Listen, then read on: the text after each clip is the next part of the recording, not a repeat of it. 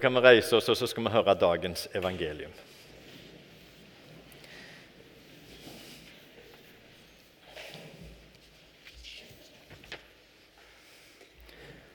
Og det står skrevet i evangeliet etter Johannes. Jesus sa, la ikke hjertet bli grepet av angst. Tro på Gud og tro på meg. I min fars hus er det mange rom. Var det ikke slik, hadde jeg da sagt dere at jeg går og vil gjøre i stand et sted for dere? Og når jeg har gått og gjort i stand et sted for dere, vil jeg komme tilbake og ta dere til meg, så dere skal være der jeg er. Og dit jeg går, vet dere veien. Thomas sier til ham, Herre, vi vet ikke hvor du går. Hvordan kan vi da vite veien? Jesus sier, Jeg er veien, sannheten og livet. Ingen kommer til Far uten ved meg. Har dere kjent meg, skal dere også kjenne min far. Fra nå av kjenner dere ham og har sett ham. Da sier Philip, Herre, vis oss Far, det er nok for oss. Jesus svarer, Kjenner du meg ikke, Philip, enda jeg har vært hos dere så lenge? Den som har sett meg, har sett Far.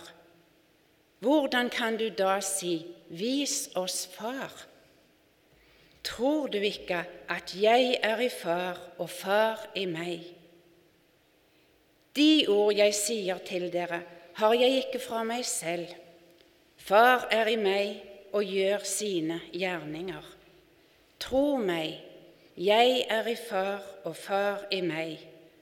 Om ikke for annet, så tro det for selve gjerningenes skyld. Slik lyder det hellige evangelium. Vær så god,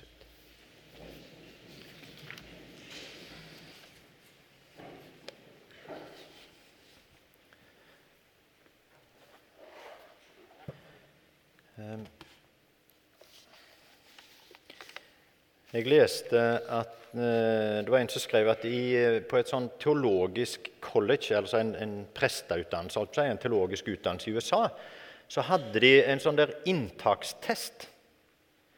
Eh, og det hørtes veldig interessant ut. Det kan jeg ikke huske vi hadde. Her, heldigvis, holdt jeg på å si. for det. Men, eh, men, det hørtes veldig interessant ut. For det som de da eh, eh de testa på en måte de sånn grunnleggende bibelkunnskap, teologiske kunnskaper hos eh, disse kommende prestestudentene. da. og som han skrev, han som jeg leste, som kommenterte dette, at det, de var glad hvert år å ta imot veldig dedikerte eh, studenter, og studenter som var, hadde et veldig brennende engasjement for Jesus og sin tro. Men når en så på en måte hva de kunne eh, av eh, bibelske historier, av teologiske problemstillinger, så, så ble han ganske deprimert, for han syntes det var ganske slett. Så han tenkte at de, de har jo fått et, en stor iver, da, men de har, de, de har ikke så mye grunnleggende kunnskap.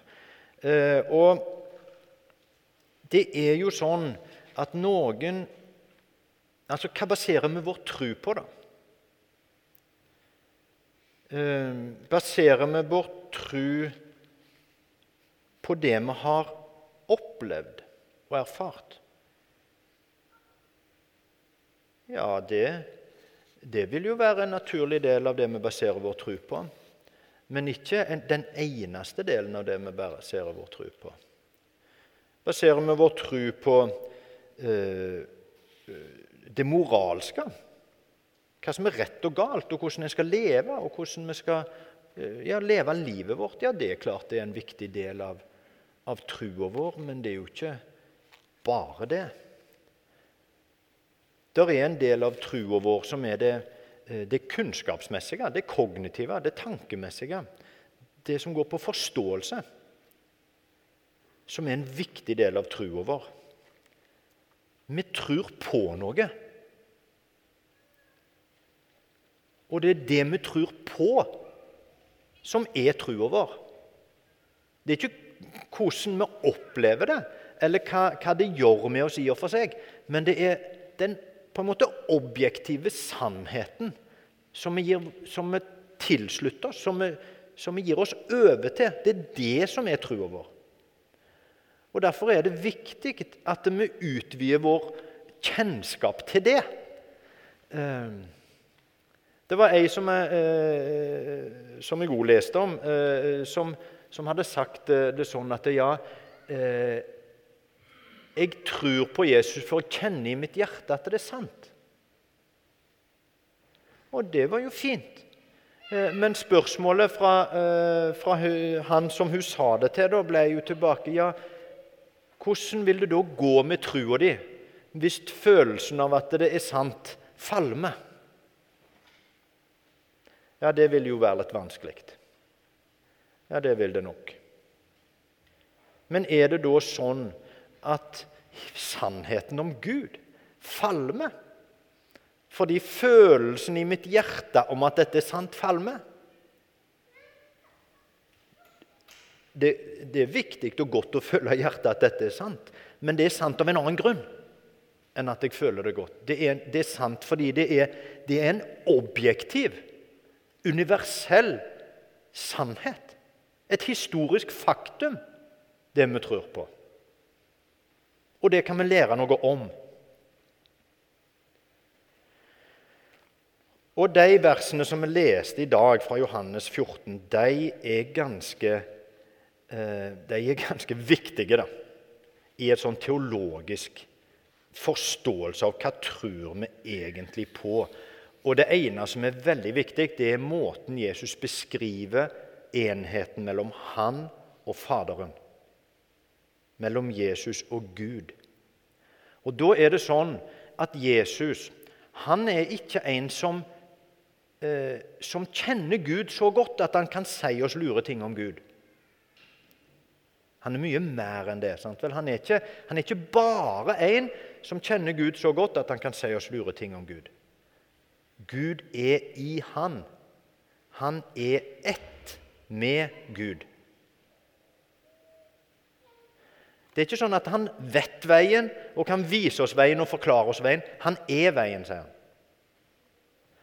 Og akkurat det med enheten mellom Gud og Faderen det, det har vært diskutert masse. Vi tar det kanskje litt sånn Ja, ja, det visste vi jo alltid.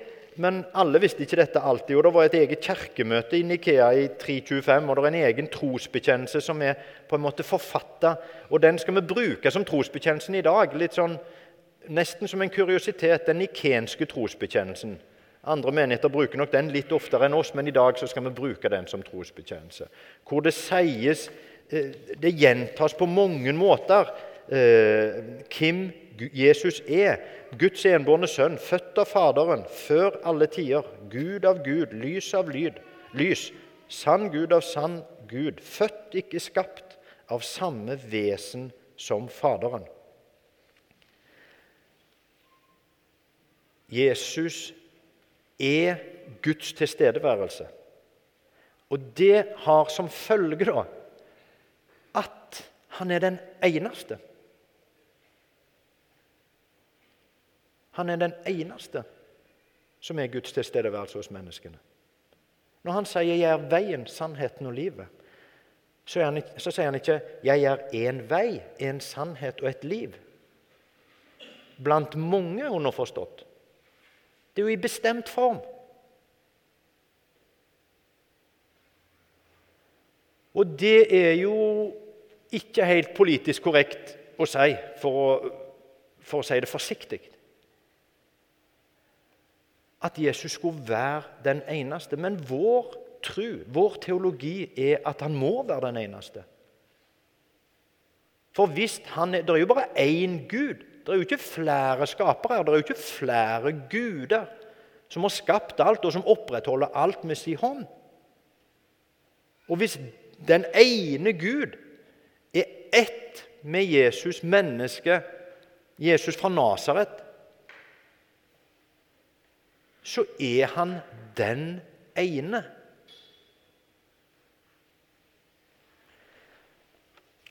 For disiplene som hørte dette, så vil jeg tro at det de, det de hørte, var ikke nødvendigvis sånn som jeg, sånn som jeg kanskje poengterer det nå, nærmest en sånn begrensning mot å tro at alle veier fører til Rom. At det, at det bare følger en vei, så går det nok bra.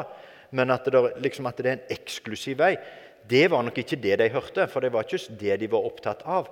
Men de hørte Oi, er det en vei til Gud? Har vi fått kunnskapen om veien til Gud?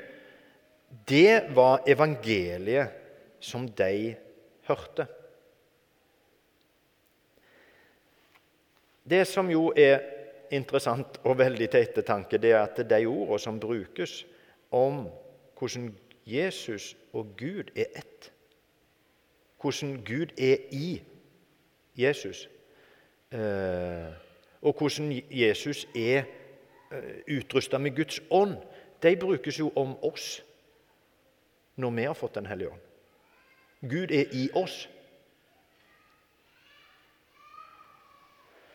Ok. Veien. De første kristne de ble kalt de som følger veien. Det var et kallenavn de fikk.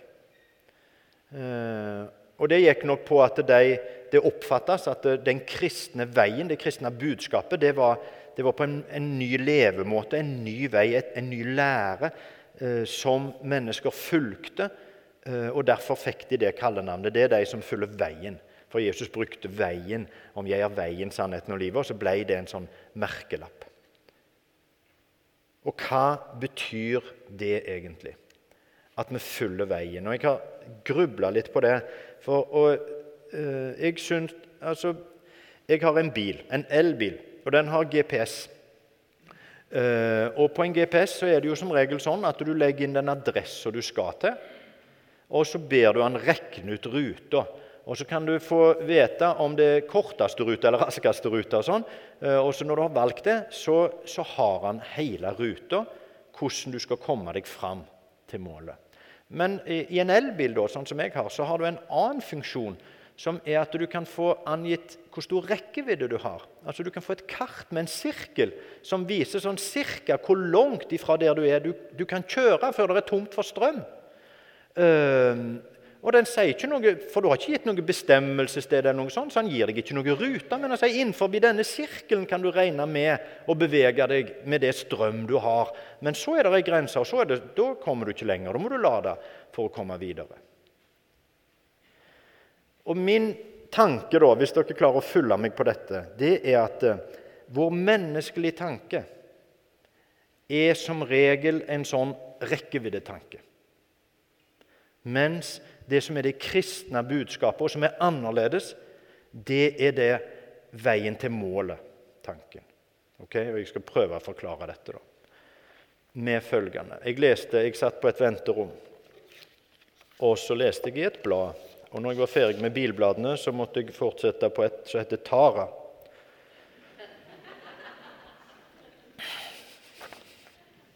Og der er det ei som eh, heter Bjørg som skriver om Bjørgs verden. Kanskje dere har lest Tara? hva vet vel jeg? Kanskje dere abonnerer på Tara? Eh, men hun skriver noe hun lager, Jeg tror hun er kunstner, så hun lager noen bilder, og så skriver hun noen refleksjoner. Og Jeg var interessert i det da det sto liksom på forsida, for uh, der handler det om jeg, jeg, fikk ikke helt med meg om det var hun eller noen andre som hadde mista ektefellen. eller noe sånt. Uh, så det var på en måte en refleksjon over det møtet med døden hadde lært henne. Og jeg tenkte mm, interessant. Uh, la meg lese dette. Uh, så leste jeg det. Og hva vil du gjennomføre før du dør, er over, overskriften. Og det som jeg tenkte da når jeg leste dette, at dette er en sånn rekkeviddetankegang. Altså, det var ingen refleksjon om om det skulle være noe etter døden, eller hva død Vel, det, var, det, var, et helt fraværende perspektiv.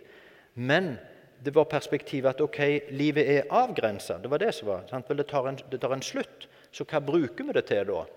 Uh, og hva var veiledningen da? Altså, hva, hva, skal være veilederen vår for å bestemme hva vi skal bruke livet til? Jo, det var hva drømmer du om? Hva drømmer har du som du vil realisert? Og, og hvordan tar du, tar du, deg av dine? og sånn? Og Det er jo et kjempefint perspektiv hvordan vi tar oss av våre, og for så vidt hva drømmer vi har som vil, vi vil realisere. Men det er jo et sånn rekkevidde Sant vel? Hvilke veier vil vi velge innenfor det som strømmen tillater oss? Sant vel? Til døden. I dette livet. Det er et dette livet-perspektiv. Og uten noen rettesnor det, var ikke, det var ikke en absolutt. Det var ikke, noe, det var ikke sånn at det, sånn bør du leve. Nei, nei, nei. Men hvordan vil du leve? Så det du vil, bør du realisere. Og Det er jo sånn Ta hva vei du vil, men vet at du rekker ikke lenger enn sånn. Det var visdommen, sånn som jeg opplevde. Jeg håper at jeg ikke er urettferdig mot hun Bjørg som har skrevet dette, men det var sånn jeg, i mitt perspektiv så, så var det sånn jeg oppfatta det. Og jeg tenkte at det, det, er fint nok, men det er veldig, det er jo veldig lite. Var det alt? Og det kristne perspektivet er altså et helt annet. For det kristne perspektivet er at det er en vei og et mål. Det er et mål, og det er en vei å gå til det målet. Og døden, vår kroppslige død, det er jo i verste fall en rasteplass på veien. Det er jo ikke målet, og det er jo heller ikke enden for reisen. Så hvis vi skulle tegnet opp, så er det her fra i dag, og så er det til der. Og så er døden her. Sant vel? Det er på den veien. Det er jo ikke sånn at døden avgrenser oss. Og det er jo en vei. Det som skjer nå Vi, vi går jo på veien mot målet fra nå. Det er jo ikke hvilken som helst vei. Det er jo ikke hva som helst som vi drømmer om. Men det er jo en, en vei. Det er jo det som er budskapet. Og takk og lov for at det er en vei. Har dere gått i marka og plukket bær, eller et annet, og så har dere liksom kommet helt ut av stien? Det er jo et krav uten like å gå uten sti eller uten vei. Takk og lov at det er en vei. Og takk og lov at vi kjenner den. Og takk og lov for det målet. Og takk og lov for at han fortsetter etter døden. Og takk og lov for at vi ikke går alene.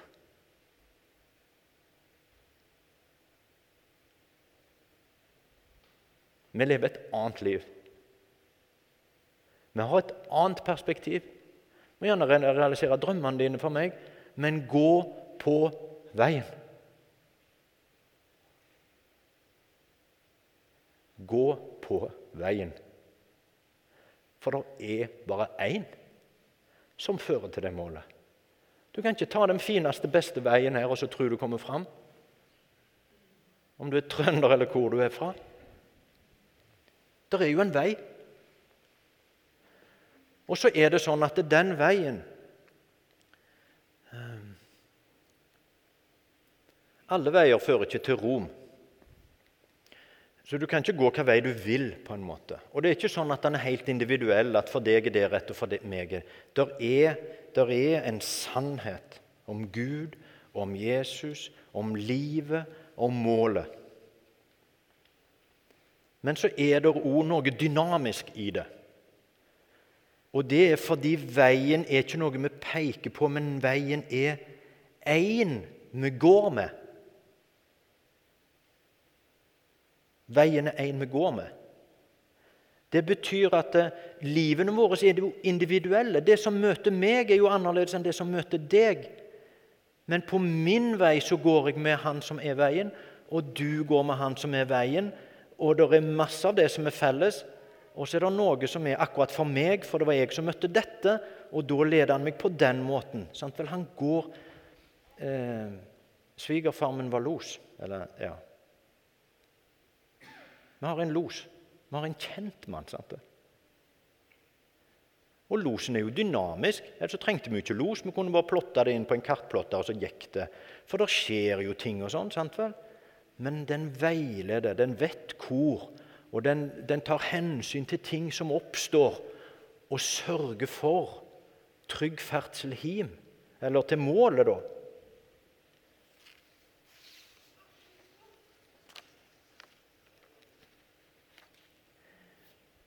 Det kan hende at dette er, har jeg òg tenkt, da, Eh, at dette er mye vanskeligere for oss enn for veldig mange andre mennesker. Fordi vi lever og dette har jeg sikkert sagt før, i en tid og på en plass og i en kultur som utøver sunn fornuft er fokuserte på individet og individets frihet. Det er ikke sånn andre plasser i verden, og det var ikke sånn til andre tider. Var du født av en baker, så ble du sannsynligvis baker. Og du, vel, og du, det er Det var satte ting. Det var en vei som var lagt for deg fra, fra du ble unnfanga, på godt og vondt. Og mange plasser så er det sånn nå òg. Det er en retning i livet som er gitt. Det er jo bare vi. Det er jo bare vi som kan. Jeg, det, og det gjør jeg et poeng av når jeg er på sånn bibelvandringer på skolen. Det synes jeg er gøy, For da var det Jesus som var tømmermann. Ja, hvorfor var han det? Jo, for faren var tømmermann, selvsagt. Uh, og så, ja, men er, så spør jeg de, hva er foreldrene deres? Eller hvem vil bli det samme som foreldrene sine? Og hvem vil ikke bli det samme. Og så forteller de hvorfor ja, pappa er det, og det vil ikke jeg bli. Eller mamma er det, og det, det skal jeg bli. Så har de veldig og, Men de vet det. sant? hva er det, fjerde, femte klasse? De vet, de vet, at de må ikke svare at ja, må ikke alle bli det som pappen sin er. da? De vet jo det. Nei, jeg har lyst å De vet de kan velge helt fritt hva de skal bli. Og I Norge så er det til og med sånn at du kan ha råd til å ta nesten hva utdannelse du vil. Bare velg det du vil, og bli det du vil. Det er jo bare i Norge, og det er bare nå i våre dager. Det er jo en helt spesiell ting at vi liksom skal være helt fri. Gjøre akkurat hva du drømmer om, og når du drømmer om det. Og I våre dager holdt jeg på å si, vi, da, vi har jo til og med en økonomi til å gjøre det. Hvor skal vi reise? Ja, Hvor har vi råd til å reise? Ja, Hvor som helst. Det er veldig spesielt. Og det er veldig liksom fremmed for Bibelen og for folk andre plasser. Det må vi skjønne. Og Derfor er det vanskelig for oss å si at en vei, at én eksklusiv vei, skulle være et evangelium. Jeg vil velge sjøl hvor jeg skal gå. Kan vi ikke ta hvilken vei som helst og så komme til målet? Sånn som vi på sykkel. Hvorfor i verden skulle jeg ikke komme til Kopervik når jeg tok den fine veien? Det er et evangelium at det er en vei. Og det er et evangelium at vi blir født på ny inn i en vei, et, en familie, ei framtid, en retning.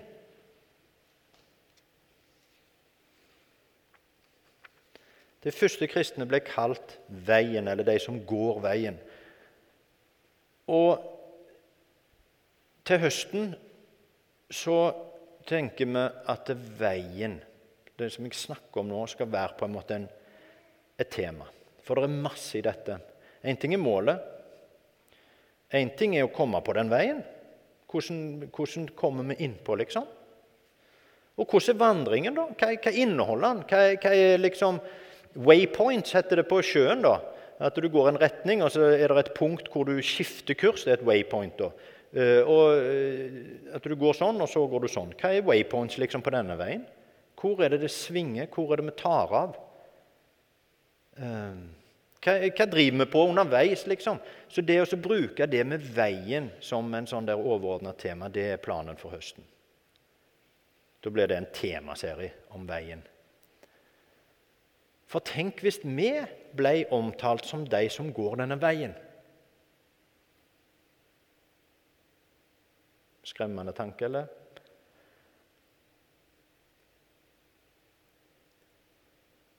Det er jo ikke ensretting, det er jo ikke, det er jo ikke uniformering. Det er ikke det vi snakker om.